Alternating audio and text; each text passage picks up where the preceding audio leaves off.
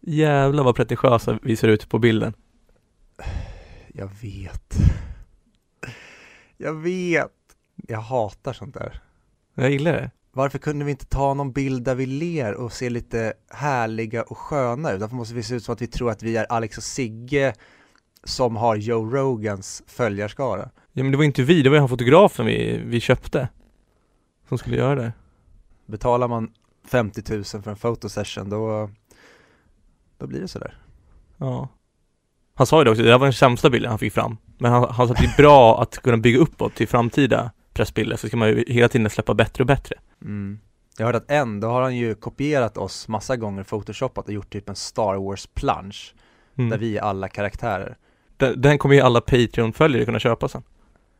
Ja just det, när vi, eh, är det efter vi har gjort sista avsnittet i Globen eller är det innan vi har Sveriges högsta inkomst tack vare Patreon? Ehm, jag kommer inte ihåg, men någonstans däremellan va? Sa vi. Kanske sista Star Wars-avsnittet. Perfekt. Ja, det hade varit trevligt. Jag tycker det är kul också hur, hur bilden ändå symboliserar lite hur vi två är.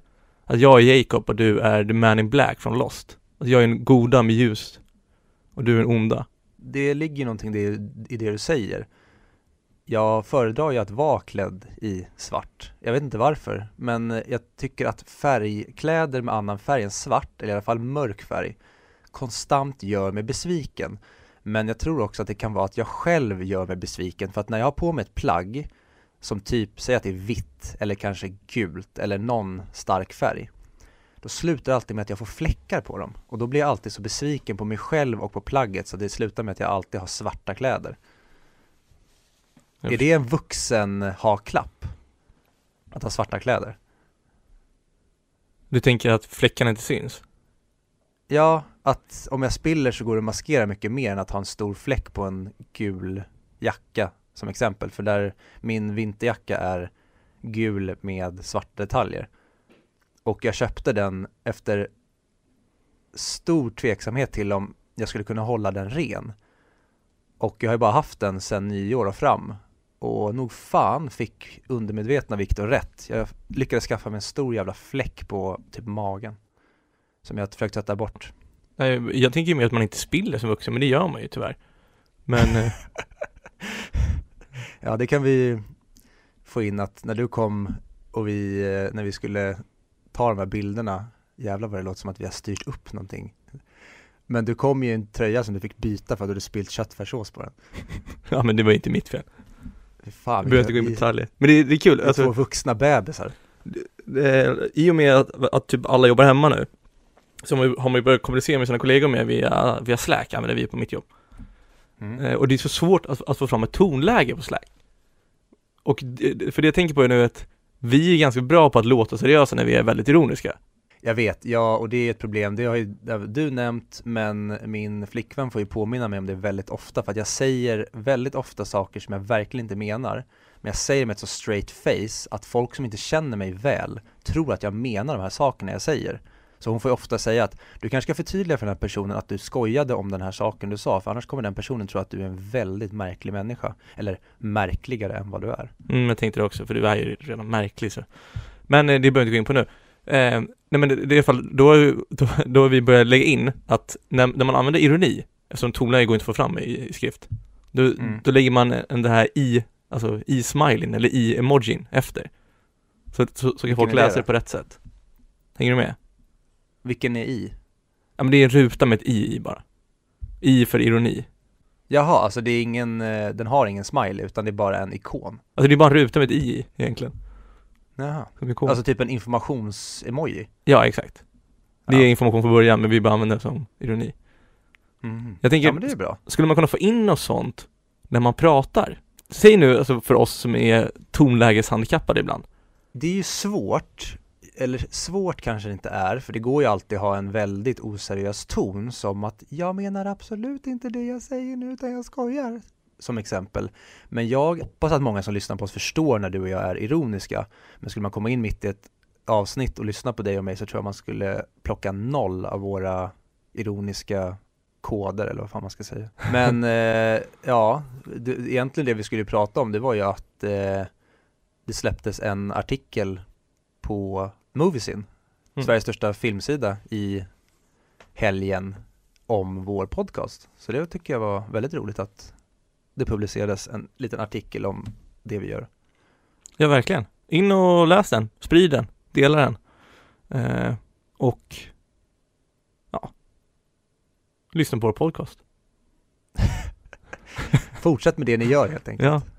Men det är, det är så mycket enklare. Gör ingenting annorlunda än vad ni gör just nu. Continue with your lives as they are. För er som inte pratar svenska så översatte jag där. Bra, ska vi köra igång? Det är väl lika bra.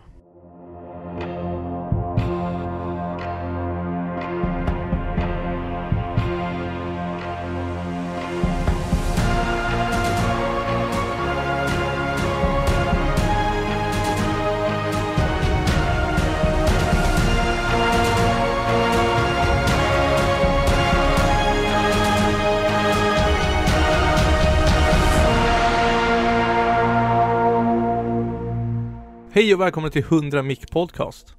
Vi är alltså IMDBs topp 100-lista, men inte Charlie Chaplin. Och som ni förstår via namnet så vi arbetar oss uppåt. Vi pratar upp IMDBs topp 100-lista och hoppar över alla Charlie Chaplin-filmer. Enkelt, smidigt, simpelt. Mitt namn är Fredrik och med mig har jag Viktor. Oj, min röst skar sig. Viktor. Ja, det här är då avsnitt nummer 72 och vi kommer att prata om Once upon a time in America som kom ut 1984 och är gjord av Sergio Leon. Mer om honom och filmen senare. Hur är läget Viktor? Jo men det är bra. Jag eh, ska, jag är precis i lindan att avsluta min en månad långa ketodiet så att jag är i tankarna på vad jag ska äta som första kolhydrat eller sockerinnehållande mat eller snacks. Oh, då har jag en bra fråga. I alla filmer och serier du har sett, även tecknat och otecknat, vilken maträtt hade du då velat äta därifrån? Om du fick, om du fick den serverad så fort ketosen är över. Oj, eh, det här är någonting jag skulle behöva egentligen spåna på som fan. Men någon, Vad är det första som dyker upp i huvudet? Om du bara får spon- alltså, du, du, du behöver inte låsa fast dig vid det svaret för evigt, men det var precis det jag skulle komma till, att jag vet inte vad jag skulle välja om jag fick tid att tänka igenom det här, men den som dök upp direkt i huvudet, det är ju, eh, vad är det för någonting? Men det som eh, Landa äter i Inglourious Bastards. Vad är det? det är en, sh- en strudel. Apfelstrudel. Ja, med eh, lite crème. Mm. Den kommer jag ihåg när, vi, när jag kollade på Inglourious senast nu att helvete vad Tarantino får det där att verka svingott. Ja, gott är verkligen ordet. Jag håller med. Mm. Så att, eh, ja, det var det om mig. Hur mår du? Eh, jag mår också bra, helt okej. Solen skiner, semester är eh, utanför dörren. Och idag får man dricka öl. Underbart. Är semestern utanför dörren som att han ska precis knacka på eller är semestern utanför dörren som att det är skilsmässa och din fru precis har lämnat dig och har stängt dörren bakom sig och ska gå? Hur brukar man använda uttrycket? Det är ju att den, den är på väg. Jag Men jag vill ju, jag vill ju alltid gå till det mörka. Ja, exakt. Vi har fått en bra lyssnarfråga. Mhm.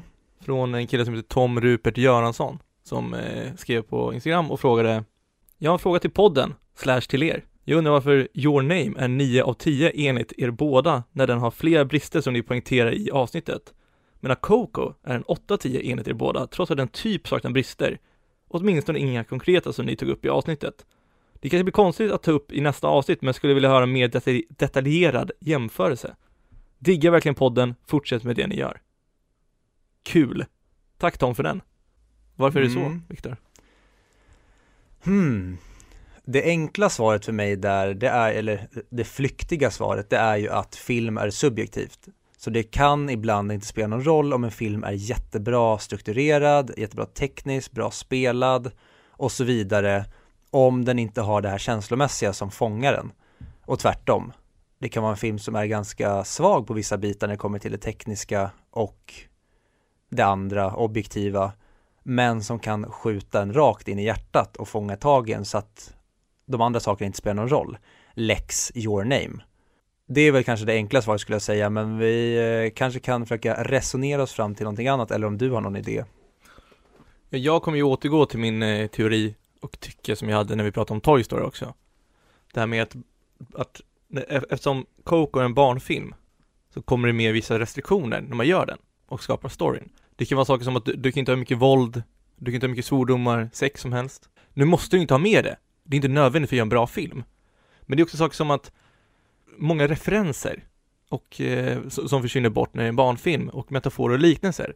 Ifall eh, om man vill göra det mer komplext skulle jag säga och göra det mer avancerat. Och Your Name är mig, enligt mig är en vuxenfilm som, som passar barn i så fall snarare, eller barn kan tycka om den. Liksom många andra vuxenfilmer kan barn tycka om. Det är därför det är svårt att såga en bra barnfilm. Eftersom en bra barnfilm ofta möter sitt tak och är gjord nästan så bra som den faktiskt kan vara inom de här restriktionerna som, som kommer med när man gör en barnfilm. Hänger du med? Ja, absolut. Jag håller ju verkligen absolut inte med, men Nej. det får stå för dig. Tror du att det är, alltså att det helt enkelt är subjektivt för dig då alltså? Nej, alltså det jag, det jag tror är att det finns en såklart en del i det som jag förklarade innan om att alltså för film är subjektivt. Det spelar liksom ingen roll. Det handlar om att du ska berätta en story och vissa stories passar vissa bättre än andra.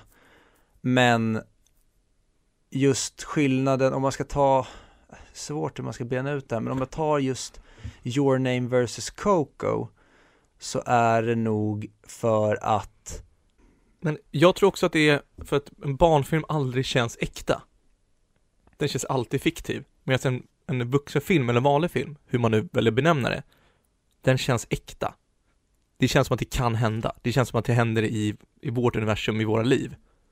Med en barnfilm vet man, det händer där på skärmen. Nej, alltså det håller jag inte med om. Då frågar jag, vad, är det någon, alltså, vad, vad är en barnfilm? En barnfilm är ju inte en kategori. En barnfilm kan ju vara otecknad, den kan vara animerad.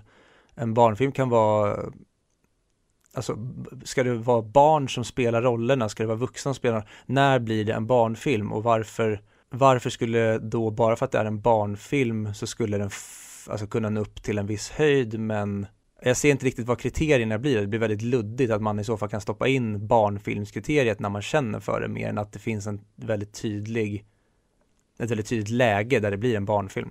Det kommer ju alltid finnas gråzoner vart filmen hör till, men jag skulle säga generellt sett i en barnfilm en film som är riktad till barn som är primär målgrupp. Ja, men när är den det? Är det vad den får för åldersgräns på bion? Är det beroende på hur mycket våld, svordomar eller eh, sex det är med i en film?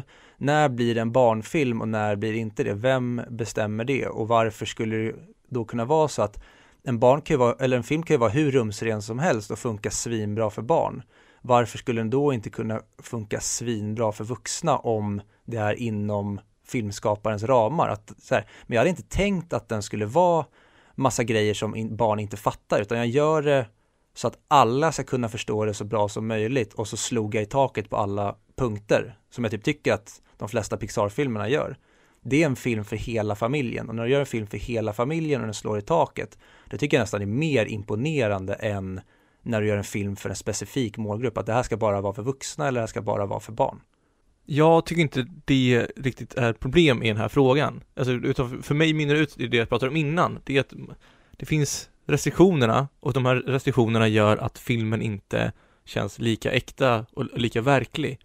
Vid att man distanserar sig från filmen, även om man kan må dåligt när, när pappa Lejon dör i Lejonkungen och liknande. Det, alltså, det suger, man gråter, det är, man är jätteledsen. Men man vet fortfarande att det där var fick till värld på ett annat sätt än när man ser en film som inte är en barnfilm, oavsett om den är tecknad eller inte. Men det, det, det är ju bara det du ser på skärmen. Alltså Lejonkungen är ju en jungiansk alltså metafor för att liksom du måste axla ansvaret och bli vuxen och ta hand om kungariket. Där får man liksom kolla bortom tecknade lejon och djur och de sakerna, utan där får man ju kolla på vad är det för berättelse man berättar, hur bra berättar man den? Och då tycker jag nästan tvärtom, wow, du kan berätta den här storyn som får oss att gråta och känna den här hopplösheten genom att rita massa djur. Då tycker jag nästan tvärtom, istället för att man sänker den då till att det skulle bli att den bara kan nå en åtta, så skulle jag nästan säga tvärtom. En barnfilm kan nå, eller en barnfilm i citationstecken kan nå upp till 12 av 10. Att wow, du lyckas träffa det här trots att vi har liksom, det här är inte riktiga människor, det här är inte filmat, det här är tecknat, animerat. Det, vi måste göra specialavsnitt om det här, för det här är ju nästan mer evig debatt än om, om Star Wars eller vad som helst. För jag håller verkligen inte med dig. Nej, det, det behöver du inte göra. Alltså jag säger inte att jag har rätt, jag säger bara att det är så här jag uppfattar det, är så jag ser när jag ser på berättelser. Att jag blir nästan mer imponerad när du berättar en väldigt, väldigt tydlig metafor eller en berättelse som till exempel Lejonkungen som är den här klassiska alltså hjältemyten. Men du kan göra det på ett helt nytt sätt som fångar en helt ny publik utan att de säger att aha, men det är exakt som den här andra storyn som vi har sett hur många gånger som helst. Hmm. Alltså kolla på typ om du tar Aragorn, jämför honom med Simba. Det är en, en man som flyr från sitt ansvar. Hans öde är att bli kung. Han flyr från det för han vill inte axla ansvar, precis som Simba. Han flyr och är med Timon och Pumba där det finns liksom no worries. Och sen slutar med att du måste axla ansvaret och bli kung för att övervinna the belly, eller säga the beast in the belly. Jo, men jag tror filmen hade varit mycket bättre om man tog bort alla saker som var riktade till barn. Det är det jag säger hela tiden. Eh, alltså, allt det där som är det roliga, det det ytliga eller hur jag nu ska beskriva det. Nu har inte Lejonkungen så färskt i minne så jag kommer inte på några specifika exempel. Men får man bort allt det och gör en mer djup och bättre story och har kvar de elementen som är bra i det så tror jag att det skulle bli mycket bättre. Utan att ha de här återigen restriktionerna som är när man gör filmen som ska vara riktad till barn också. Men det behöver inte vara restriktioner. Alltså du kan ju berätta en story utan att du alltså exkluderar barnen utan att det blir med flit. Du kan ju berätta en story hur bra som helst ändå som både barn och vuxna funkar utan att du tänker på att oj, det här fick vi inte säga eller oj, det här skämtet måste funka för den, den och den. Utan jag tycker att skämten i väldigt många Disney-filmer framförallt funkar för både barn och vuxna på olika sätt. De har gjort det dubbel dubbelbottnat. Att skämtet funkar på ett visst sätt när du är liten, men så när du blir vuxen, då får skämtet en helt annan innebörd, vilket jag gör att, gör att jag nästan, som jag sa det här med, istället för att det blir 8 av 10 så blir det 12 av 10 det, det blir nästan svår, en svårare verkshöjd att nå när du ska göra det på det sättet. Absolut, och eh, det är därför de är genialiska, de, de barnfilmerna som har så. Men, det, men de skämten är fortfarande inte bättre än de som är bara riktade till vuxna. Det håller jag inte med om. Varför skulle det inte kunna vara det? Nej, för jag tycker inte det. För generellt sett, vadå men varför? Alltså, det är ju humor. Jag tycker de är roliga som är riktade till vuxna direkt. Och som du inte behöver, alltså men det, det, är så generellt, om du ska fokusera på att underhålla en grupp istället för två så, så generellt sett så kommer det ju bli mycket bättre och effektivt och roligare för den e, ensamma målgruppen att, under, att underhålla. För du behöver inte anpassa dig till att båda ska funka till barn och för vuxna. Ja, men varför skulle du då inte kunna säga att du är en ännu större mästare om du lyckas göra någonting som träffar lika högt för båda? Men varför är, är inte fler barnfilmer på topp 100-listan i så fall då? Men det har ju ingenting med det att göra. Det kan ju vara så att fler höjer den till en viss nivå. Listan säger ju inte allting om det. Utan jag menar rent att om du lyckas träffa jättehögt på en väldigt bred publik, varför ska det inte vara lika högt värderat som att du träffar väldigt högt hos en smalare, alltså en smalare målgrupp? Men nej, jag fattar inte frågan.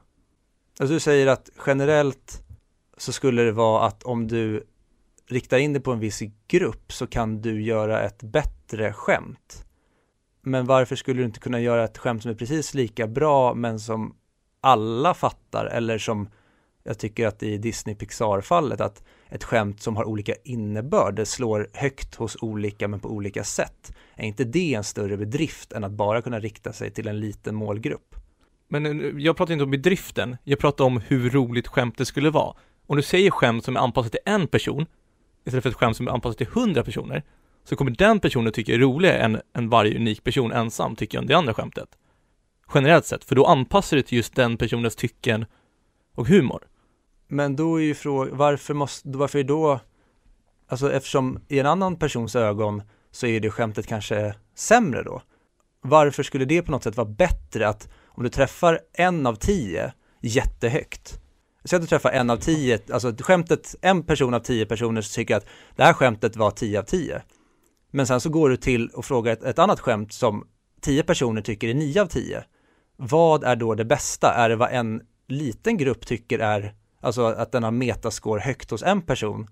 Eller är det ett, ett annat skämt som har ett högre snittbetyg? Hur värderar man det där? Varför kan det inte vara båda? Det är ju metafor för filmerna. Säger vi så här. Du säger skämt till en person, du får upp han tycker skämtet är 10 av 10 humormässigt.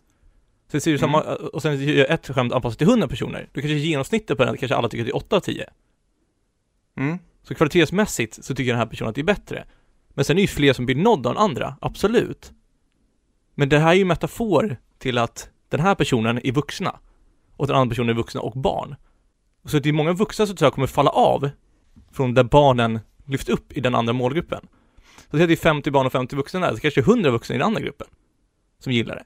Så det kanske blir samma mängd. Men det, men det blir, jag tror att det blir generellt högre kvalitet, högre värde till de vuxna, till de 100 vuxna än till de 50 barn och 50 vuxna på det andra skämtet. Det är så jag menar att anpassar du till en målgrupp istället för två, så kommer du kunna matcha dens preferenser mycket bättre. Alltså det kan ju vara så. Men tänk om du träffar åtta av tio målgrupper utan att du riktar in dig på dem. Men de tycker att det är precis lika bra som det här som en annan person har tydligt riktat till en mindre målgrupp. Varför skulle den här oriktade grejen eller mer spridd grej, varför kan den inte nå lika högt bara för att den är riktad till en större målgrupp för? Men det, vi, vi pratar inte om olika, alltså unika fall, vi pratar om generellt sett. Generellt sett är det ju så att matchar du en person över två personer så kommer du kunna nå den personen mycket bättre och effektivare än två personer. Det handlar om att det handlar om nå målgrupper. Ja, och varför kan man då inte räkna det som en högre bedrift om du lyckas träffa båda? Men det är ju det jag, jag, jag har försökt förklara det nu. Att du, du, du kommer träffa, det värdet du ger till en målgrupp kommer vara mer än det värdet du ger till två.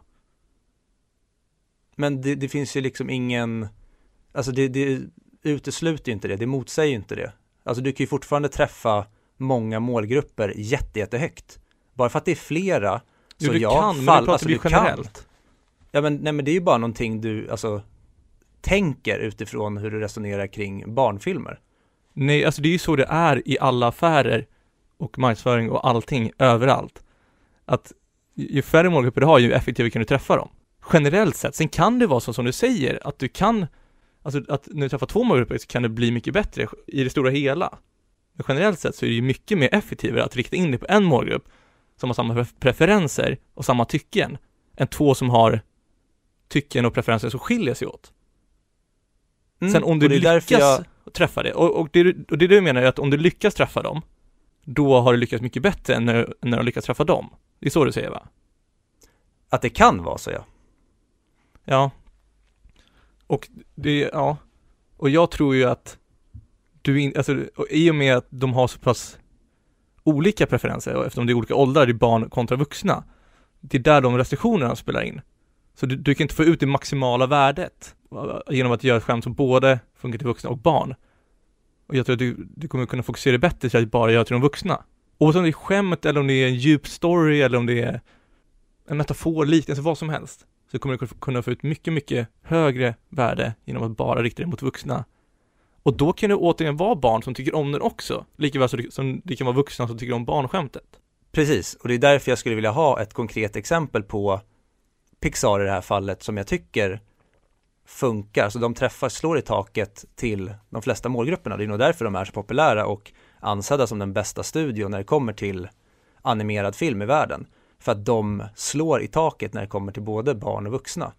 Och då skulle jag vilja ha ett exempel som från Toy Story. Hur hade man kunnat ändra någonting, någonting konkret i den som hade gjort, alltså som du säger inte funkar, som sänker den då, som gör att den inte kan nå upp till 10 av 10. Vad hade man kunnat göra istället? Det är en jättesvår fråga, du måste bygga om hela filmen då. Och det är det jag inte håller med om, för det är där jag tycker att den är så komplext om du tittar bakom att du säger att det är animerade figurer. Att det finns väldigt avancerade relationsdraman inbakade i det här tillsammans med mycket av det andra. Jo, jag vet, de gör ju fortfarande bra, men de kan inte nå hela vägen. Det här är ju egentligen subjektiva åsikter också i det hela, såklart. Men jag kommer inte in i den filmen lika mycket som de andra. Och jag tror att det är många som, som dyrkar de filmerna så högt, är för att de såg dem första gången som barn. Hade du sett de filmerna första gången som vuxen, så hade du inte kunnat, jag tror inte att du hade hyllat den lika mycket då. Men det är då jag inte, alltså det, det går inte ihop för mig då med till exempel Disney, eller Disney, Pixars Inside Out, eller Coco för den delen. Vad tänker du? Alltså det är ändå, Inside Out har jag ju aldrig sett som barn. Hur kan jag tycka att det är en helt fantastisk film? Och samtidigt är den extremt älskad bland barn. Vad, vad är frågan? Om du säger att det finns, att man tar till sig de här barnfilmerna i vuxen ålder för att de har funnits mer om, som, alltså som barn, som Toy Story. Jag kan ju förstå det argumentet för en film som Toy Story om jag inte alltså, hade tyckt samma om Pixar-filmerna i vuxen ålder. Som görs. För jag har inte sett de moderna, typ Coco, jag har inte sett den som barn. Ändå tycker jag att det är en briljant film. Jo men du gav en 8 av 10. Ja men jag gav den ju 9 av 10 första gången. Ja okej. Nu var det ju för att jag visste de här känslomässiga turnsen och det, det är ju liksom mitt eget fel för att jag vet det. Men typ Inside Out, det är ju en film som, den skulle jag nästan säga är på vissa plan, alltså väldigt balsy i hur de vågar berätta den extremt komplicerade historien om känslor som vi människor har i våra kroppar. Men där de ändå på något sätt lyckas förklara det så otroligt pedagogiskt utan att det blir övertydligt så att alla ska förstå det här och ändå hålla det till en så otroligt briljant film. Ja, jag tycker de är jättebra också. Jag säger bara att de inte når så pass högt. Jag vet inte, du har ju redan ställt in dig på att barn, barnfilmer eh, kan vara så högt. Det kan vara därför du sätter den så högt. Jag vet inte. Det är väldigt svårt att veta varför du tycker som du tycker och gör som du gör ibland, Viktor. Ops, ironi. Eller inte ironi, men skämt åsido. Men eh, jag, jag, vet inte var, varför just du tycker så. Men eh, som svar på din fråga. Nej men det är för att jag försöker se, alltså jag sätter inte upp massa murar för att okej, okay, nu vet jag att det här är en film från Pixar, den kan vara riktad till barn också. Då sitter jag inte med ett skeptiskt öga och tänker att hmm, men det här kan inte nå upp, utan jag försöker se det med ett fresh, alltså jag försöker bedöma det som en film. Jo, men jag har aldrig sagt att jag, att jag sätter murar, det här är anledningen till varför jag inte tycker att, de, att den är så pass bra. Och då försöker jag komma underfund med varför jag tycker så, och sen försöker jag måla upp anledningen till varför. Ja, och därför så bad jag om liksom konkreta exempel, men jag har ju inte fått några. Nej, men man kan inte bara be om exempel sådär. Du, du måste ju, jag måste ju tänka ut exakt vad jag menar. För det här är ju fortfarande, jag försöker komma på varför jag tycker som jag tycker. Så det är inga murar jag målar upp. Jo, men du har ju känslomässiga murar. Nej. Eller ja, men det är inte, jag målar inte upp dem innan jag ser filmen, jag ser filmen med öppna ögon. Nu, alltså nu, nu påstår ju du saker som jag gör, alltså som jag tycker och säger. Du säger, men du gör ju sådär, du har ju sådär. Nej, men det är ju hur jag uppfattar det du säger. Sen får du säga om jag uppfattar det fel. Men jag försöker ju förstå dig utifrån, för du säger den premissen att det är en barn som är, alltså det är en film som är riktad till både barn och vuxna gör du den alltså bedömningen varje gång och landar i samma slutsats bara för att den inkluderar barn eller jag ser inte vilken ände det kommer i där. Nej men du lägger ju ord i munnen på mig. Det är så jag menar, när du säger, ja men du har ju känslomässiga murar. Nej men det, det, är så jag uppfattar det du säger, sen får du rätta mig om jag har fel och förklara hur du menar, för det, det är så jag uppfattar det. Jo absolut, men oavsett, det är ju fortfarande att lägga ord i munnen på mig och då, är, då måste jag hela tiden sitta och försvara mig själv istället för att låta mig uttrycka mina åsikter och sen så uttrycker du dina åsikter. Det är så jag menar. Men, eh, och konkret exempel, du, du måste skriva om en helt ny film. Du måste lägga jättemycket tid på det. Så det kan inte bara sitta och säga nu, komma på på studs, såklart. Och om du tar, nu varje gång jag kollar på film, nej, jag kollar på med öppna ögon.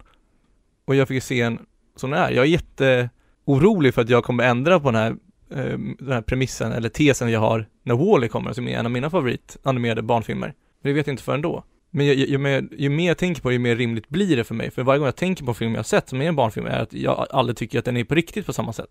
Oavsett om man får den här känslomässiga punchen i magen, man gråter, man ler, man skrattar, man tycker det är kul, man tycker det är underhållande, så kommer jag aldrig in i den. Den känns aldrig på riktigt för mig. Och det är för att den har den här uh, lätta tonen i sig, som barnfilmer generellt har. Ja, nej, ja, nej, jag, jag vet inte, jag, jag förstår inte riktigt resonemanget, men men eh... Men vi kanske ska besvara våran lyssnares fråga och det är i alla fall för mig kokar ner till att ibland så, ja, jag är inte alltid linjär i hur jag resonerar kring film just för att det är subjektivt. Jag lägger väldigt mycket värde i känslan filmen ger mig och sen kan jag vara väldigt förlåtande mot vissa brister i en viss film om känslokraften eller vad man ska säga är väldigt stark där och då. Det handlar om att bygga upp en illusion och försöka ta ur mig ur den här illusionen så lite som möjligt. Och gör det väldigt, väldigt bra så kan jag vara väldigt förlåtande mot saker som kan vara lite off. Men det handlar också om att göra produkten med en så pass, alltså du ska lura mig så pass bra att jag accepterar de här besluten utan att det sabbar the big picture. Jag vet inte, det är kanske luddigt förklarat, men det är egentligen att det subjektiva kan överkomma det objektiva när det kommer till film för mig, beroende på vad jag är i för på humör, hur liksom, såg jag den på bio eller hemma i soffan, pausade den flera gånger, Eh, var den mer spännande första halvan, var det andra halvan? Alltså det, det finns otroligt många saker som spelar in och det är där det är så svårt att egentligen göra en jättelinjär bedömning när det kommer till film, utan det är fall från fall till fall. För mig. Jag håller med. Ibland är det ju svårt, bara för att en film är ett betyg lägre än en annan. Så som du säger så har det mycket med vilken känsla och hur man tar emot den snarare än att komma med konkreta exempel på varför man inte tyckte att den förtjänade ett, ett högre betyg. Om vi, om vi tar exempel Coco Your Name så, så föll, jag tycker att Your Name träffade mig mycket, mycket mer och mycket, mycket djupare och bättre. Trots att jag hade hoppats på, och det är därför som jag hittade mig kritik till den, för jag hoppades på att den skulle vara en 10 av 10. Men det var tyvärr för mycket brister för att ge den en 10 av 10. Och Coco kanske inte träffade mig lika djupt för att jag skulle ha samma respons till den. Jag vet inte. Mm. Och jag satte ju 9 av 10 på Coco första gången jag såg den och jag tror att jag sa det när jag resonerade kring Your Name att den skulle möjligtvis kunna falla ner till en 8 men den skulle också kunna kliva upp till en 10 om jag såg om den. Så jag skulle ändå säga att för mig är Your Name och Coco ganska likvärdiga. Det är liksom det är väldigt små marginaler där mellan 8 och 9 eller 10. Men som filmer, det här är också helt motsägelsefullt skulle jag nästan säga nu att skulle jag säga vilken som jag nästan tycker är den bästa filmen av Coco och Your Name, då skulle jag nog säga Coco. För jag tycker det är en bättre film, alltså som film. Men Your Name gjorde någonting med mig känslomässigt som Coco, inte, i alla fall inte andra gången, den kan ha gjort det första gången, för då kommer jag ihåg att jag också blev tårögd och grät till den. Men just nu när jag bara försöker ställa upp dem bredvid varandra så tycker jag mer att Coco är en mer komplett film. Den har, ja det är det, den, den har färre brister. Och det är väl det. Men nu när vi såg om den, och det var för att Coco var andra gången, Your Name var första gången, så var Cocos känslomässiga delar inte lika starka som första gången. Ja, ja jag håller med. Jag hoppas... Kul! det, det, blev, det blev långt, lång utläggning här, men det är kul att vi kan lägga så här mycket tid på varje lyssnarfråga. Då har vi material till livets slut. Nej. Ja, med tanke på alla lyssnarfrågor vi har ja. Precis. Oh, Obs ironi igen. Ja, obs ironi. Eh, oj. oj.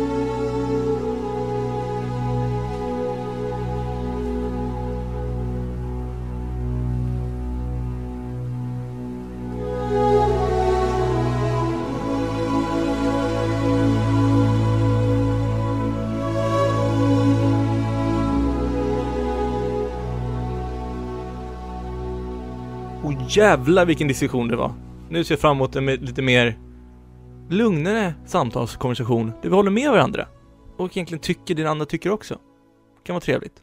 Vi ska vara väldigt svenska i den här delen menar du? Konsensus är viktigt. Verkligen, jag håller med. Ja, jag fattar det. Ja.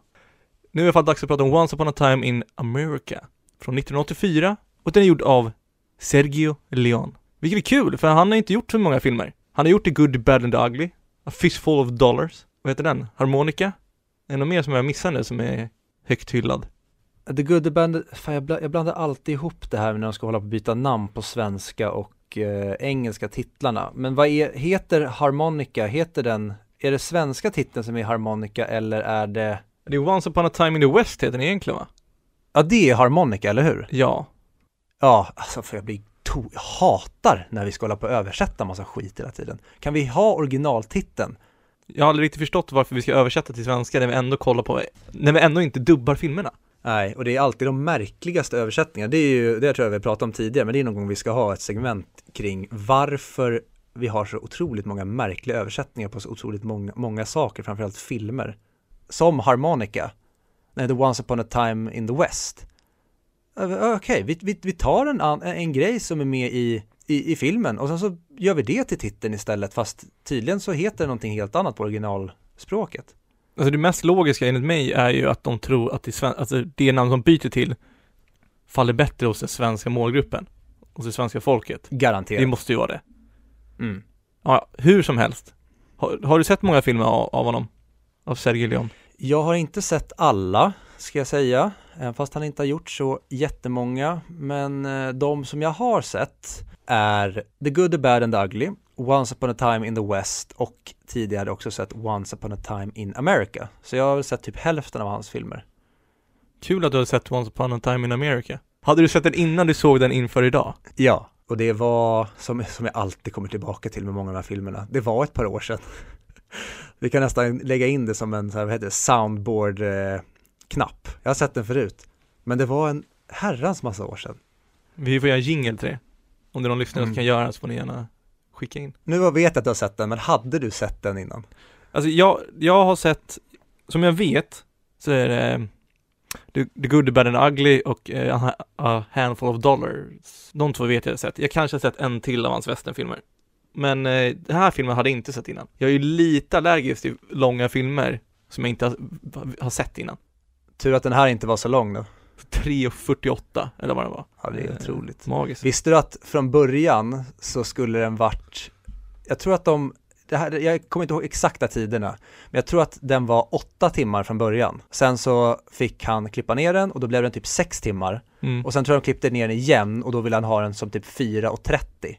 Men sen landade de, eller nej, det landade de inte alls i. Det slutade med att den här filmen släpptes i en 2 timmar och 24 minuters version på bio som blev hatad och sågad. Ja, för de hade ju sagt att, in, att in, ingen kommer ju förstå filmen om, det, om de klipper ner så långt. Och det är också en tragisk grej, Sergio Leone, han dog ju, det här var hans sista film. Mm. Och många säger att allt bråk och tjafs som alltså var kring den här produktionen tydligen tärde på hans hälsa som fan, som tydligen ledde till att, eller det var inte det, en direkt anledning till att han dog vad jag läst, men att det påverkade hans hälsa så pass mycket att det var en, eh, i alla fall en faktor till att han avled just när han gjorde det. Men fan tråkigt. Ja, det var sjukt mycket tjafs om den här och den, eh, bara det exemplet att de släpper en film som han inte står bakom, för det såg jag en intervju med honom när han pratade om den här inför, att om de kommer släppa den i en kortare version än han vill, då kommer han att starta en eh, lawsuit mot dem och försöka få bort sitt namn från filmen. Jag vet inte hur det blev med det där, men filmen fick ju sen, efter att ha varit väldigt hånad, eller i alla fall kritiserad i bioversion, så fick den sen sin upprättelse när den släpptes i Sergio Leones egen version som var 3 timmar och 49 minuter. Ja, för han, han ville ju först släppa en i två, eh, en tvådelad. Två, tre timmars Mm. filmer som du sa. Det hade varit intressant. Det hade varit jävligt intressant och jag tror till och med att den här versionen skulle funka skitbra om man ser den i två delar. Ja, det tror jag också. Men vi ska inte gå händelserna i förväg. Egentligen, kort och gott handlar det om eh, vår huvudkaraktär som spelas av, Robban, vad sa du? Robban De Niro. Exakt. Som kallas för Noodles i filmen. Och man får egentligen följa han i tre olika tids... Men ser man epoker? Nej, det är väl mer att förklara olika, alltså, Dinosaurieepokerna. ja men precis, det är väl mer uppdelning av, alltså historiska perioder mer än att det är en persons liv. Tre stadier i hans liv, om vi ska säga så, i brist på ett bättre vokabulär. Att vi får följa honom när han är barn, vi får följa honom när han är runt, de är runt 27-28 tror jag. Och sen får vi följa honom 35, 35 år efter det och kan jag min matte rätt så är vi runt 60-årsåldern då. Exakt. Och det det handlar om egentligen är, man får följa deras story. Från när de är barn till när de blir gangsters och sen så får man se vad som händer med dem. Jag, jag vill beskriva det som en Tarantino-film på det sättet att det har egentligen ingen poäng. Man, man, man får bara följa deras resa. Det, det är ju en berättelse om en mans liv och sen så kommer det komplicera till sig något så inåt helvete. Men om du ser det på ytan så är det berättelsen, det är tydligen baserat på en eh, riktig eh, gangster som har funnits i New Jersey. Men eh, så den är löst baserad på hans typ självbiografi eller ha- hans självbiografi är löst baserat på hans liv för den, är lite, den har tagit sig lite friheter tydligen. Ja, men det som händer i alla fall är att, alltså de- den hoppar så mycket tiden så det är väldigt svårt att göra en tydlig förklaring. Men kort och gott så handlar det om ett, om ett ungdomsgäng på fyra grabbar. Fem Fem från början, spoiler alert, en av dem dör när de är barn, de är fyra kvar och hur de sakta men säkert börjar ta över gatorna och klättra sig uppåt i undervärlden. Och bli liksom, ja, vad säger man, maffiabossar. Mm. Om man ska säga det som en riktig svennebanan. Exakt. För mer så, inte, alltså det är svårt att säga, det är mer se filmen. Ja, jag tycker det räcker jättebra som premiss för att berätta vad storyn egentligen handlar om. Vad hade du för förväntningar när du satte dig och såg den här? För det var ju första gången du såg den. Mina förväntningar var väl att, eh, att jag skulle ha svårt att koncentrera mig så länge och jag visste inte alls vad filmen skulle handla om. Jag var lite rädd för att jag skulle tycka att den var tråkig. Hur mycket visste du inför? Hade du sett någonting, vilka som var med eller hade du någon aning om vad den handlade om? Visste du vem som hade regisserat eller var det helt bara att du visste att det kommer en film som heter Once upon a time in America som är 3 timmar och 48 minuter? Jag var helt blank. Jag hade ingen aning. Vad hade du för förväntningar? Jag har ju som jag sa sett den här en gång tidigare. Den var som jag också alltid återkommer till väldigt mycket luddigare i mitt huvud än vad jag mindes den. Men eh, jag var extremt taggad på den. Så mycket kan jag väl säga inför. Mm. Vad tyckte du då? Vi går in på det direkt eller? Ja, jag tänker pang på och sen så får vi prata runt omkring det. Eh, när vi skulle sätta oss om den här så tänkte jag att det här kan potentiellt bli en film som kan hoppa upp och bli en av mina favoritfilmer någonsin. När vi såg den du och jag, jag vet inte om det var för att den var så lång och därför kände jag en stress över att vi behöver se klart den. Att det inte skulle bli att vi fick dra ut på tiden så att det blev jättesent. Mm. För de kraven tycker jag är, blir ganska jobbiga. Att man ska ändå ha i lugn och ro, välja ett speciellt tillfälle om du ska se en film som är väldigt lång så att det inte ska kännas forcerat eller påtvingat. Tyvärr kunde jag inte skaka av med den känslan. Så att filmen var, efter jag hade sett klart den så var den verkligen inte uppe på den nivån, snarare tvärtom. Den hade sänkts i mina ögon från det förra. Men sen var det som att cancern satte sig i hjärnan och bara spreds för att den har bara skjutit i höjd sen vi såg den när jag grubblat på den och satt mig och läst om den och verkligen dissekerat det vi såg. Så det är väl lite grann så jag tycker. Vad tyckte du? Jag tycker att den var otrolig. Otroligt fascinerande film. Och det är en sån film som har följt med mig efter. Jag har kvar James Woods och eh, Robert De Niros dialoger i huvudet. Jag har blickar, visioner av dem när de står och pratar med varandra. Och deras relation till, till varandra under filmens gång. Så det, är- Mm. det, är, det är en film som har följt med mig. Bara castingen, deras barnskådisar sen till hur de är vuxna och den här resan som Sergio Leone berättar. Det känns verkligen som att de har varit med varandra ett helt liv när vi är klara med det här. De bygger upp ett sånt band, framförallt mellan Max och Noodles. Det känns verkligen som att det här är de två bästa kompisarna som sen blev rivaler och som det liksom slutade med svek. Det är ibland stundtals homoerotiska känslor mellan dem för att man förstår hur mycket de här människorna tycker om varandra och sen blir det till en grad under resans gång att de ja, jag vet inte om det är från båda håll, men i alla fall en av dem verkligen vill skada den andra och ta det han har ifrån honom. Ja, verkligen. Och man får verkligen se hur de dras mot olika saker. Nej men, jag håller med. Och man får verkligen se hur de, på grund av att de inte får samma uppväxt i och med att han, eh, The Noodles åker in i fängelset, så får man verkligen se att de får olika värderingar till vart de vill och vart de är på väg i livet. Max som varit ute på gatan vill bara växa, växa, bli större och större medan eventuellt Noodles, han vet vad, vad han har och han, han älskar det han hade när han åkte in, när han väl kommer ut. Så han behöver inte. Han behöver inte ha, ha 10 miljoner istället för 2 miljoner. Han vet vad han har och han, han är nöjd där han är. Ja, och jag kommer säkert hoppa massa i det här, men det är för att jag tycker att den här filmen har lager på lager på lager på lager så att det går att egentligen hitta filmmagi hur man än vrider och vänder och tittar på den här. Det är en lång, långsam, episk gangsterberättelse som utspelar sig i New Jersey. Men det finns också en otroligt fin kärlekshistoria där som också följer med precis som Max och Noodles historia mellan, mellan Noodles och eh, Debra som bara i sig är en det är en film i sig. Det är som att det är så många filmer i en här som du bakar ihop i den här episka berättelsen. Sen har du även hela perspektivet från hur Noodles ser på saker, hur han är när han är liten, vad han åtrår då, vad han vill bli. Som du säger, han ändrar perspektiv när han hamnar i fängelse, när han kommer ut så är han en ny typ av Noodles, men de andra är kvar i, de har levt samma bana.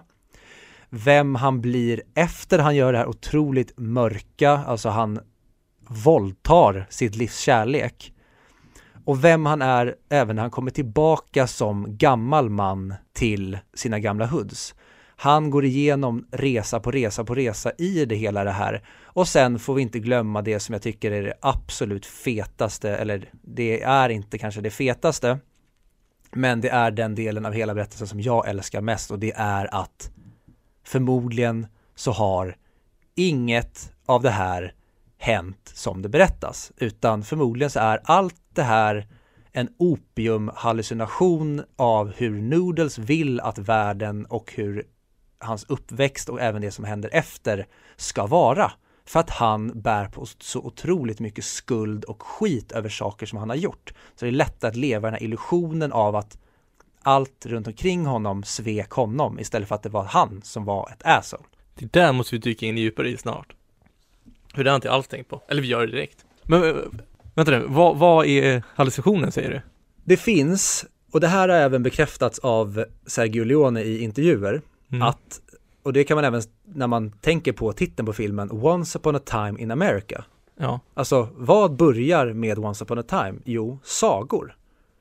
Och därför kan man tolka det som att det som händer är inte det som faktiskt Noodles liv, alltså som händer i Noodles liv, utan hela filmen skulle man kunna säga i princip, utom vissa delar, är hans opiumtripp.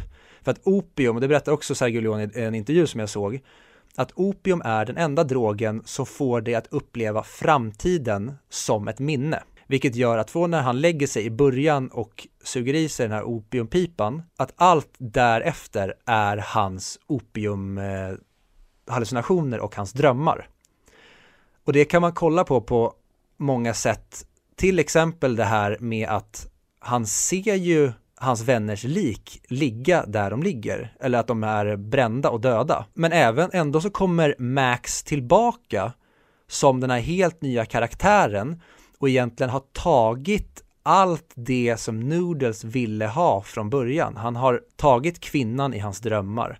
Han har ett helt nytt namn. Han har lurat Noodles till att fly och få det här modesta livet och gömma sig i Buffalo.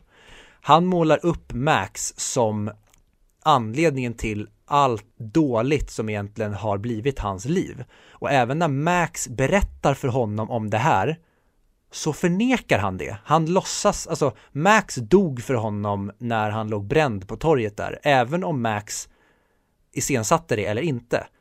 Den här Mr Bailey är någon annan, det är inte Max. Även fast han säger jag är Max, jag har lurat dig och fuckat hela ditt liv. Så lever han i förnekelse över att nej, jag, det här är inte som det är. Och det kan man tolka också, det är, nu rantar jag på egentligen bara, men det kan man också tolka som att antingen så förnek, lever han i förnekelse om det nu inte skulle vara ett, en hallucination, säg att det är på riktigt. Då har han förnekat allt det här onda han har gjort så stenhårt till en grad att antingen har han kommit över det eller så förnekar han det. Och det, det tycker jag också är väldigt intressanta aspekter av den här filmen. Men om man går tillbaka till att det skulle vara en hallucination.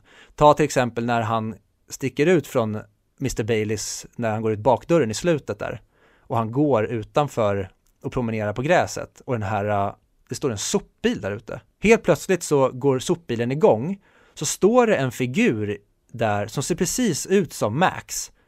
Intressant där också är att där har han kastat en dubblett till James Woods. Det är inte James Woods som står där. Vilket ska göra det ännu mer tvetydigt om det är eh, Max som står där. Och sen när sopbilen passerar Max så försvinner han och vi ska se det som att hmm, hoppade han in där bak och blev strimlad eller försvann han bara? Eller var, var han inte där? Såg Noodles i syne?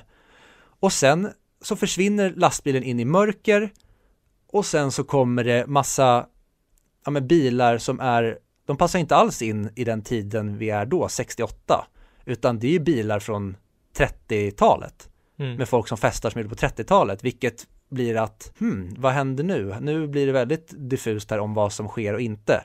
Scenen efter, då får vi se det hela med när han lägger sig, suger i sig opium och filmen slutar med hans lite för överdriv, alltså väldigt påverkade leende. Och det för mig är bara så här, oh my god. Och hade den här filmen gjorts idag hade det varit så övertydligt, så on the nose.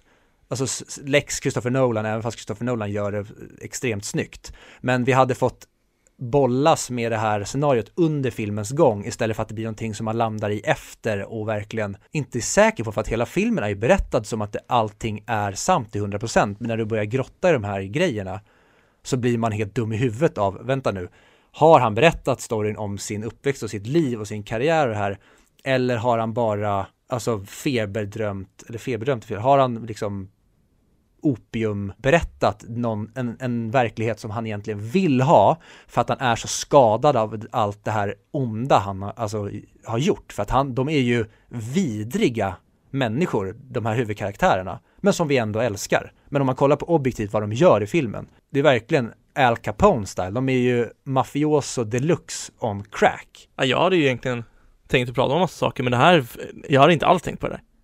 Det där är ju sjukt fascinerande. Jag måste ju utvärdera filmen igen nu.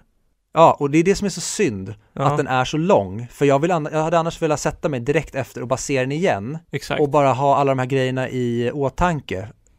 Men det är svårt när den är så lång, för då vill jag inte känna mig så här forcerad igen. Men det kommer, alltså det är verkligen det som fick mig att falla för filmen första gången. Allt det här, den är så många filmer i en. Det är verkligen, alltså nästan cradle to grave story, du får den här gangsterdramat, du får kärlekshistorien, du får den här lite, ja men att det är just, det är en trip deppig film. Och allt det här med vänskap och hela den, det är som en stor buffé som du bara vill äta och äta av för allt är så gott och du blir egentligen aldrig mätt. Du blir bara fundersam över varför du aldrig blir mätt. Men jag äter ju, äter ju, det här är jättegott. Varför landar jag aldrig i någon slags mättnad? För att allting är, det är lite, det är någonting som är lite off och iffy, men det är inte för övertydligt.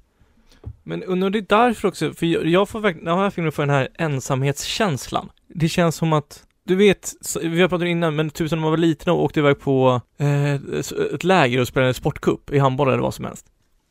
Och sen kommer man hem Mm. och då känns det, det kändes tomt. Den känslan fick jag av filmen. Alltså det känns som att han, han känns ensam.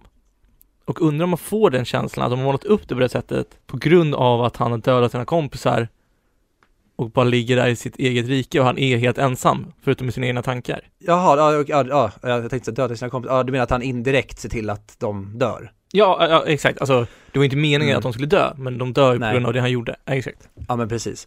Ja men exakt, och det är ju lite det och det är ju för att han är ju verkligen en av dem när de är barn. Då Mm. är han ju precis samma level av gangster och de har precis samma drömmar och mål. Skillnaden är väl att han har sin livs kärlek som säger åt honom. Har du sett dig själv i spegeln? Hon, hon, hon får ju honom att ta många beslut. Han lever ju hela sitt liv. Om, säg, säg nu att vi plockar bort den här drömdelen Mm. att det som han berättar är sant. Hans livskärlek berättar för honom hela uppväxten att han är smuts. Och då, då blir det ännu mer tydligt att det finns ett sätt för mig att inte vara smuts. Det är att tjäna massa pengar, bli en somebody. Jag ska vara liksom the king. Han skaffar sig allt det här som hon, hon säger egentligen att han ska ge fan i att vara en gangster. Men det är ju hans enda sätt för att egentligen bli den här äh, polerade, fina mannen som kan ge henne allt som han uppfattar att hon vill ha. Hon, han ska inte vara liksom smutsiga trash noodles, för det är inte det hon vill ha. Och därför blir det så, man blir helt förkrossad när han gör allt det här för henne, hyr den här restaurangen, förklarar sin kärlek, nu ska vi vara med varandra, jag älskar dig. Och hon bara säger att nej, det duger inte ändå. Jag ska till Hollywood och bli skåd eller dansa eller skådis eller vad det är. Mm. Och nu, det här kan ju kommer låta väldigt, väldigt fel. Men jag förstår ju, alltså jag säger inte det att jag förstår inte att han våldtar henne. Men jag, alltså, det hade lika gärna kunnat vara att han spöar henne eller att det behöver inte ens handla om henne, det kan handla om den här, den här typen av svek, att han har dedikerat hela sitt liv för att bli någonting som hon vill ha. och därför slår det slint på den här mannen som har, tack vare att han har vuxit upp i den här äh, världen med gangsters där man inte har den här samma etik och moral som människor har mot varandra. Det har gjort att han har väldigt konstiga, han har väldigt konstigt sätt att se på saker. Och därför så slutar det med att han gör det värsta man kan göra mot den man älskar. Han våldtar henne i bilen för att hon inte vill ha honom.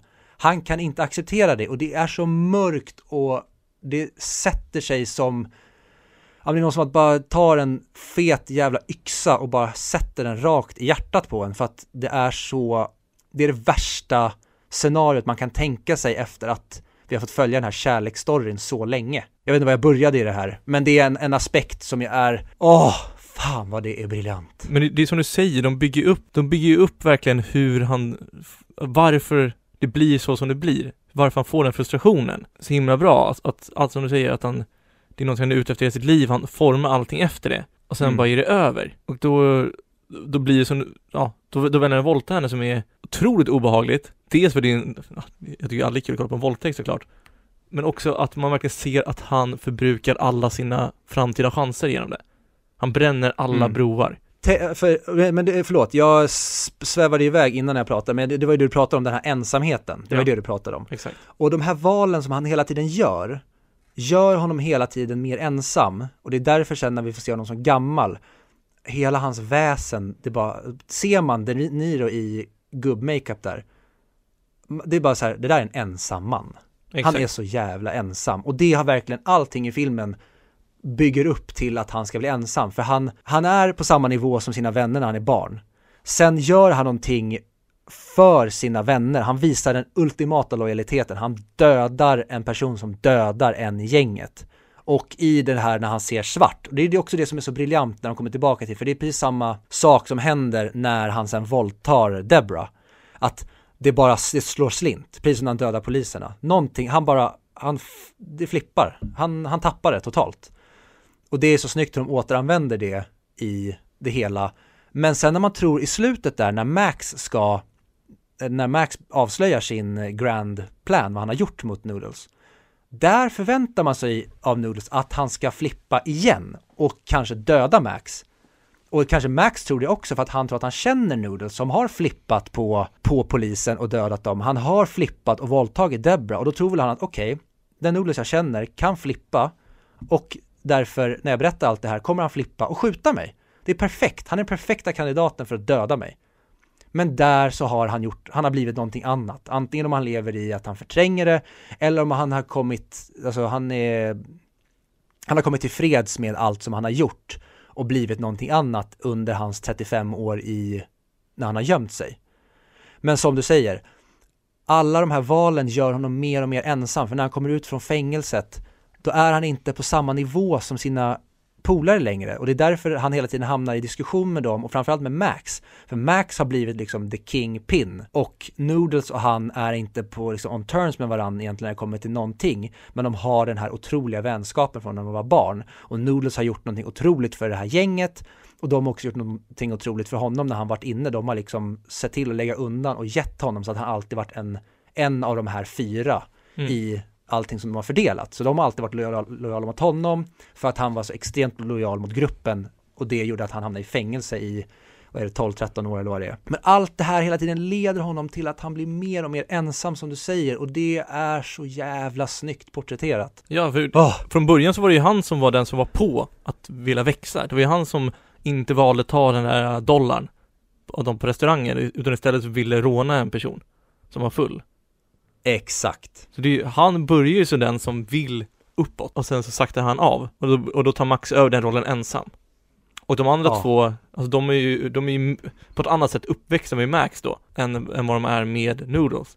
Så de, Mm. de, är, de är ju på samma sida som honom. Ja men de har varit indoktrinerade i en viss skola under de här 13 åren medan Noodles han har varit i en helt annan typ av religion. Och sen ska de tillbaka in och samarbeta igen men de har helt olika synsätt på väldigt många saker. Och det skär sig. Mm.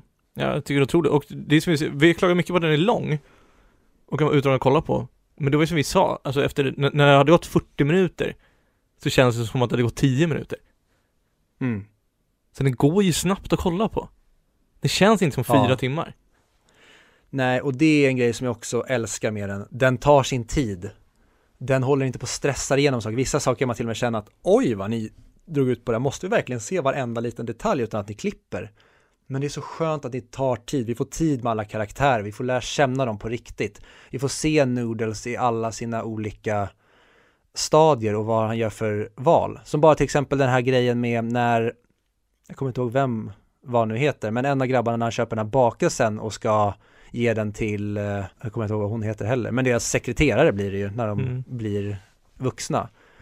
Att vi, han sitter där ute och vi får se honom, alltså egentligen förlora marshmallow-testet. Han klarar inte av att hålla sig från att äta den här bakelsen tills hon är färdig och kunna ta emot den så att han ska kunna få sig litet skjut eller blowjob eller vad det är. Utan han kan inte hålla sig så att han äter den nu. Det säger så mycket om hans karaktär också att det här är en otålig jävel. De vill Mm. ha grejer nu. De vill bara, de vill ta den snabba vägen. Vi ska inte jobba, vi ska inte gå i skolan och plugga och bli utbildade. We want the gangster life, för det är, det är the shortcut. Vi har väldigt hög risk i den här vägen vi tar, men rewarden kan komma jävligt snabbt och den kan bli jävligt stor. Ja, alltså jag är ju nästan eh, speechless efter du sa det där eh, opiumteorin eller opiumtesen eller vad man ska kalla det. Alltså, det. Det kanske inte ens är en tes, det känns väldigt mycket att vara som det är så. Han, eh, alltså jag såg en intervju med Sergio Leone där han eh, bekräftade det, eller han sa det. Ah, Han okej. sa att det här är hans, för att han, han, han beskrev det så här att eftersom han är italienare Ja, så var det här lite som, han berättar Max lilla, alltså så här American dream. Eller jag säger Max, han berättar Noodles American dream mm. som också är lite som att han berättar sin American dream eftersom han inte är jänkare så berättar han hur han ser på USA. Och då berättar han hur Noodles ser på sin livsberättelse. Och därför blir det Once upon a time in America istället för att som boken som den är baserad på heter The Hoods. Det hade den lika gärna kunnat heta. Men han bakar in ändå det här sagoelementet redan i titeln. Och det tycker jag verkligen slår sönder det här taket som filmen redan har slagit i genom att bara vara en realistisk gangster, alltså cradle to nästan grave story. Men så lägger vi in det här med att det kan inte, behöver inte ens vara på riktigt. Och då blir det som att vi spränger bort atmosfären och skjuter ut i rymden och det finns inget stopp på hur bra den här filmen är för mig. Nej, wow, alltså se filmen. Alltså jag måste, jag vill se den igen.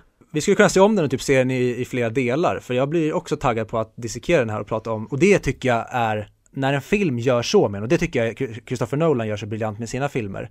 Det finns ett värde i att jag vill tillbaka och se om, förstod jag det här rätt? Kan jag tolka det på det här sättet? Eh, varför var det så här? Alltså man, det finns ett återtittsvärde och en film som jag återkommer till ofta när jag pratar om att se om filmer, det är Gone Girl.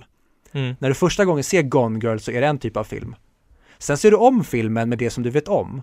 Och då är det en helt annan typ av film. Du ser på, alltså du kan kolla på bikaraktärer i scener som vet saker som du sen vet att de vet. Och då blir det någonting helt annorlunda och det älskar jag när du kan göra filmskapande som har de här du kan komma in från en olika perspektiv beroende på vilket stadie du är, om det är första gången, andra gången, tionde gången, om du har läst 70 analyser om filmen och det finns alltid en vinkel och byta till så du kan nästan se den som ett halvfräscht projekt varje gång. Exakt, och sen kan man se In Bruges tio gånger och upptäcka varje foreshadowing de har använt i hela filmen. Ja. Det, jag håller med, jag älskar sådana filmer. Men jag Mm. tänker, nu har vi ju suttit och hyllat den här filmen ganska mycket.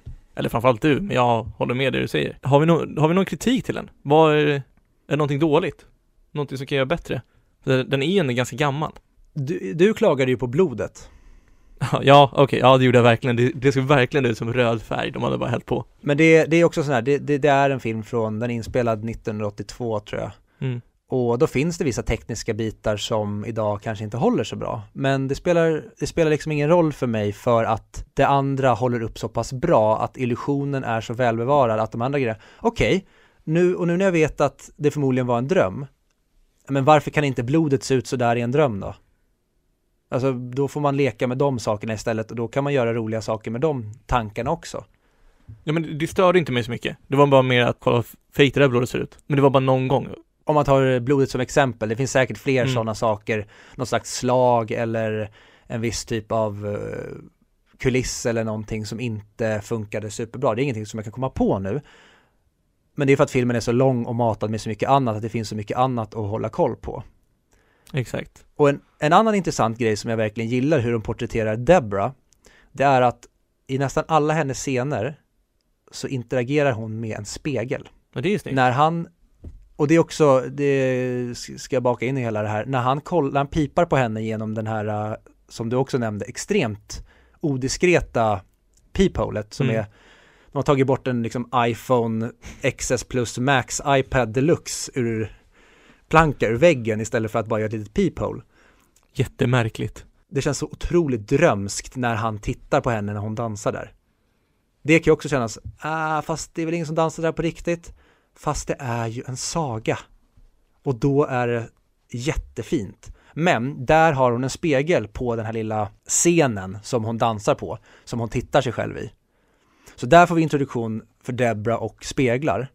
Sen när han kommer ut ur fängelset, då står hon och speglar sig där på klubben innan han och hon möter varandra. Så där får vi också en interak- interaktion med att hon står och liksom kollar på sitt appearance, hur hon ser ut. Och sen när han möter henne igen när hon är gammal, då sitter hon hela den scenen framför en spegel och sminkar av sig. Och den typen av associationer älskar jag när man gör med karaktärer. Men det är väl inte en dröm när han tänker tillbaka? Ba- i barndom? Eller menar du att hela filmen är en dröm? För då är ju inklusive våldtäkt en dröm. Det är det. Där finns det ju, och det är det jag älskar, för det fick jag inget riktigt svar på när jag kollade upp det här med vad Sergio Leone säger om filmen. Antingen så finns det delar som vi får se hända fram tills han tar opiumet. Och det kan vara att det bara är delarna med när han får se sina kompisar bli, eh, när de är döda eller att det kan vara med våldtäkten eller alltså sådana delar som är väldigt nära inpå, alltså i den tiden som opiuminhaleringen sker. Men om det nog är som, jag förstår att opium funkar, eller jag förstår inte att opium, men så jag fick det förklarat för mig när jag läste det var att du ser din framtid som ett minne. Och då kan jag tänka mig att i, för att få hela den här, hans narrativ om att han har blivit ett offer som alla hela tiden har pissat på, att den här tjejen, hon vill inte ha honom, eh, Max förrådde honom och sen förrådde Max och tjejen honom tillsammans för att sänka honom, han blev av med pengarna, alltså allt det här, hela tiden att allting jobbar emot honom, det var inte hans fel. Då kan man också baka in det med att han har fabricerat sin, den barndomen vi får se. Det kanske inte var så glamoröst. Hon kanske aldrig var intresserad av honom ens. Då blir det ännu mörkare. Att han har missförstått deras kärlek. Att du kan vrida och leka med det här beroende på hur, vid vilken punkt är det fantasi, vid vilken punkt har vi faktiskt fått sanningen återberättad för oss. Eller är allt en saga? Alltså du får välja där vad du, lite grann som Joker som film. Man väljer vilka, vilka segment i Joker har han hittat på, vilka saker sker och vilka saker är bara, alltså är mentalsjukhusbitarna sanna? Är delarna med när han blir den här uh, kända komikern, är de sanna? Är det som händer innan det sant? Vi vet inte, vi får li- nästan lite avgöra det själva där. Och där får man egentligen bygga sin egen version för att Sergio Leone låter oss vara med i, liksom, det var en gång i Amerika. Jag skulle säga att eh, allting efter han lägger sig där är fabrikerat och, och hans barndom skulle jag påstå är sanningen för det känns jättemärkligt varför han skulle fabrikera att han skulle åka in i fängelset, att han skulle våldta och allt det där. Mm. Och, det som jag bygger det på också, det är ju för att de frå- eh, vad heter han? Fat, vad heter han? Fat Mo. För att Mo frågar ju honom, "V- vad har du gjort alla de här åren? Och det enda han svarar då är early mornings. Man får ju aldrig reda på vart han åkte väl? Jo, Buff- Buffalo tror jag. Att han köpte bil- biljett dit, men inte vad han gjorde där och så vidare. Och det tänker jag är ett tecken på att det inte har hänt. Det är inte relevant. Det är därför man inte får reda på vad han har gjort alla de åren. Hur har han försörjt sig? Var har han fått pengar ifrån? Alltså för det är ganska många år han är borta. Och, man får ju aldrig någon connection till att han har träffat någon, det är aldrig någon som så här, alltså att han har träffat någon annan gangster där borta. Allt är ju blankt, medan barndom och sånt, allt är knyter ihop ganska välskrivet. Och att Mm. det finns de här mörka sidorna i barndomen. Och då så vill han ju lätta sin, sitt, sitt samvete vill han lätta genom att hitta på vad som händer efter. Att nej, han Max dog aldrig. Och de två hade en kupp tillsammans och bla bla bla bla bla. Ja precis, allt det här som jag gjorde får jag typ, alltså det ger mig rätt för att det var ändå jag som stod med långnäsa till slut. Och det kan jag verkligen hålla med om, för att jag, jag, jag vill inte egentligen sätta fingret, alltså jag vill inte bestämma vad jag tycker, när, när börjar fabriceringen och när är verklighet. Men en grej som jag tycker skulle kunna vara en bra anledning till att säga att barndomen också är fabricerad, eller det är upp till det, det är att jag tycker att han är väldigt, han målar upp sig själv som en väldigt sympatisk och trevlig person. Medan de andra ofta framstår som lite mer hjärtlösa och eh, ja, men mer rå gangster.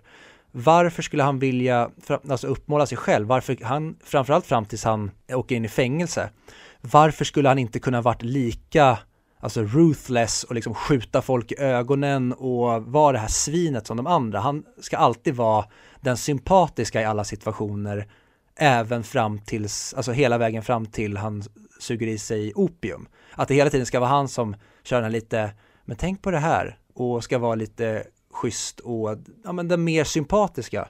När egentligen så det logiska hade varit att han är ju lika stor asshole som dem. Han har betett sig precis lika vidrigt som dem. Ja, exakt jag vet inte vad jag vill landa i, men oavsett, och det är det som är så bra med den här filmen också, det spelar ingen roll.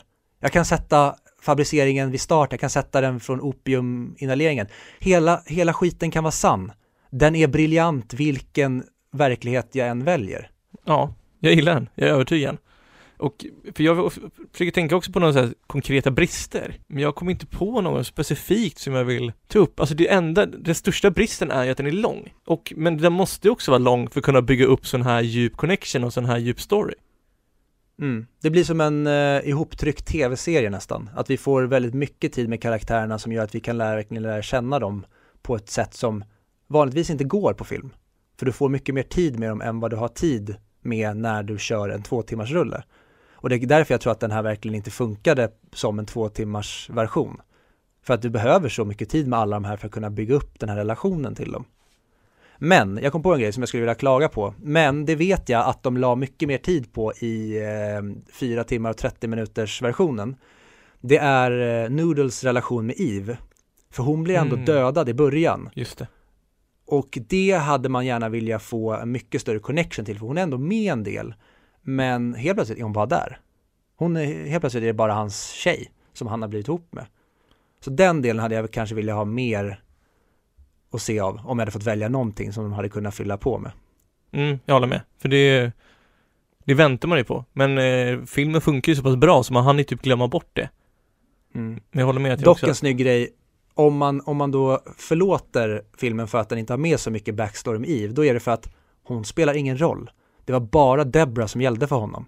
Hon är bara någon ny brud som, ja, hon är jättevacker och han mår säkert jättebra av henne och tycker jättemycket om henne. Men det är inte Debra, så det spelar ingen roll. Då behöver vi inte bekanta oss med honom, eller med henne, för att alltså filmens stora kärlek, hon är inte där. Och då skiter vi i vad som kommer efter. Lite som, nu dålig parallell kanske, men så, lite som Braveheart. Hans kärlek som de har byggt upp i början, hon dör då skiter jag i att han blir kär i den här andra kvinnan senare i filmen, för jag är kvar i hans relation med sin första fru som vi fortfarande sörjer döden av. Mm. Jag, går, jag, jag känner, jag är fan, jag är helt svettig. Jag, du är så jävla on fire på den här filmen. Ja men jag blir den, ja, som jag sa förut, jag, jag, kände inte efter vi hade sett den du och jag att den här skulle studsa upp som en av mina favoritfilmer någonsin. Men den är nog ta fan det efter jag pratade om den för att jag har så otroligt mycket kärlek till den här märket. Då vill jag gissa vad du sätter för betyg på den. Gissa. 10 10, 5 av 5. Det är ganska självklart att du sätter. Men frågan är, frågan är vilken mick? Vilken mick? Det är den som är intressant. Vilken mick sätter du? Jag tror du sätter 15 mick. Hmm. Jag eh, ska vara helt ärlig och säga att jag visste inte vad jag skulle sätta för mick men jag tycker din 15 mick är jävligt spot on så jag accepterar den. 15 mick vill jag nog sätta den här som. Men som vanligt kommer det bli med mig att skulle jag lista upp de 15 bästa filmerna så skulle den här säkert inte vara med där när jag behöver välja. Men vad skönt att jag inte behöver välja. Så att 15 mick kör jag på. Men det är svårt för jag, jag har, jag, jag har känslan att skulle du ranka dina topp 20 filmer så skulle den listan se olika ut varje gång. Ja. Väldigt lik, men ändå det skulle skilja saker beroende på vilket humör mm. och vilken sinnestillstämning du är i. Ja, och det är därför jag aldrig har gjort en topplista. Jag har gjort en lista där jag haft med alla mina favoritfilmer. Men när du väl ska sätta dem över och under varandra, så det finns, och det är det jag pratar om återigen, film är inte logiskt jämt. Du kan inte jämföra filmer mot varandra för beroende på vilken dag och vilket humör du är på så skulle du sätta en över den andra och sen kommer in en tredje film som du egentligen skulle sätta över båda men som du kanske betygsätter sämre än båda men äh, ja, det är liksom, det är ett, ett spel du inte kan vinna för mig. Det är så kul, för du är ju mer den här subjektiva känslomässiga, att det är lite olika saker gällande filmer. Jag är ju generellt mer en fyrkantig människa gällande sådana saker. Jag vill ha struktur, jag vill ha data, jag vill ha riktlinjer och ramar när man betygsätter, men det är, det är svårt i film. Men jag försöker ändå gå åt det hållet. För, det, för annars, alltså, att skapa ett betygssystem så måste man ju ha någon sorts, någon sorts, eh, vad heter det, vad, vad sa jag i första avsnittet? Man måste vara, så måste man vara konsekvent med vad man tycker är bra och vad man tycker är dåligt. Och det tycker jag ändå vi håller, än så länge. Ska jag se mitt betyg då? Ja, jag vill verkligen veta vad du tycker. Det står ju mellan 9 eller 10 i alla fall. Och jag vill, en P9 vill jag säga. Eller 9P. Alltså 9 potentiellt till 10. 9 med en asterisk. ja, exakt. Jag vill ju se den en gång till och ha det där i åtanke att det är en, en dröm, en hallucination. För det känns så svårt, det känns så naket att ge en 10 efter att ha sett den en gång. Alltså man verkligen bara, mm. att, I put myself out there, om du förstår vad jag menar då. Ja, jag förstår helt. För jag har också, jag har ju som regel att jag sätter aldrig 10 av 10 på en film från början. Då måste det vara någonting väldigt speciellt. Utan som jag säger, Exakt. antingen behöver den stå the test of time eller så måste den i alla fall kunna ha en omtits eh, kvalitetsstämpel. Ja, för jag vet inte om den älskar mig tillbaka så jag kan inte bara älska den än. Jag måste träffa en tillgång. Så, så känner jag. Mm. Eh, så 9 av 10. 9P av 10. Mm. Och, och definitivt 100-listan. Fråga om den inte ska vara högre upp till och med. Alltså om jag nästan vill placera den på typ 41 mick, rent spontant. Men det är lite för att den är så pass lång också. Jag, vill, jag mm. tror det finns filmer som är jämbördiga med den här, men som är kortare. Och som man kan se flera gånger. Det är därför jag kanske inte kommer på min topp 10-lista. Men den är otrolig. Se den. Ja, alltså har, har ni inte sett den nu när vi har lyssnat, när ni har lyssnat på vårt snack, sätt er och se den direkt. Alltså dela upp den i olika, vid olika tillfällen kolla bara på den och njut, alltså vad ska man säga? Och fatta er bara egen uppfattning. Ja, vi kanske är dumma i huvudet, vi kanske är helt ute och cyklar och tycker att vi, det här är en, ni kanske tycker att det är en skitfilm och vi har helt fel. Mm. Just idag blev det bara en lång, lång hyllnings-LP från mig. Och jag tycker det är skitkul när ni skriver in och kommer med åsikter eller tankar. För det är ju väldigt svårt när vi är så pass inne i det här. Att, att veta hur personer som inte känner oss uppfattar vårt snack och hur, hur nu konsekventa vi är i det vi säger. Typ som Coke och your, och your name. Så är det någonting som är otydligt eller om vi inte är tydliga nog? Fråga. Så kan vi svara på den. Eller stäm oss. Ja, det känns jätteonödigt. Det känns bara jättejobbig och dyr process. Förlåt, jag, har alltid bara velat säga det. Jaha. Sue me! Det, ja. det är faktiskt en sak som funkar på svenskan. Men stäm mig. Ja. Annars brukar det alltid vara, allting är mycket muppigare på svenska än engelska. Kul! Följ oss på Instagram, Twitter, Facebook. Vi heter 100 Mic Podcast. Mail 100micpodcast@gmail.com. Nästa veckas film? Det är dags för den avslutande filmen i Christopher Nolans Dark Knight-trilogi, nämligen The Dark Knight Rises. Och den kan ni då se, antingen kan ni hyra den på Blockbuster, ni kan eh, se den på Simor om ni har ett konto där. Ni kan hyra den på iTunes, ni kan hyra den på Rakuten TV, ni kan hyra den på SF Anytime, ni kan hyra den på Viaplay och ni kan till och med hyra den på Youtube. Så att eh, det finns inga undanflykter, den går att se överallt, hela tiden, när som helst. Jag ser fram emot den. Men eh, ut med er i solen, njut, drick lite bubbel, lite öl, gå och bada, gör det man ska göra och det man vill göra. Eller gå in och kolla på 3 timmar 48 minuter film i, i kylan. Ja, Mm. Ska vi eh, spela, avsluta med din, eh, den älskade panflöjten från Once upon a time in America? Jag inte gillar den. Panflöjt är förstört. Men det är lite, det finns en artist, vad heter han? Jon Henrik Fjällgren. Nej jag skojar. Sarek. Nej, Nej varför, jag tar bara massa samer. Nej, oj, nu sa jag att alla var ja, samer. Hej då, ha det bra, ses.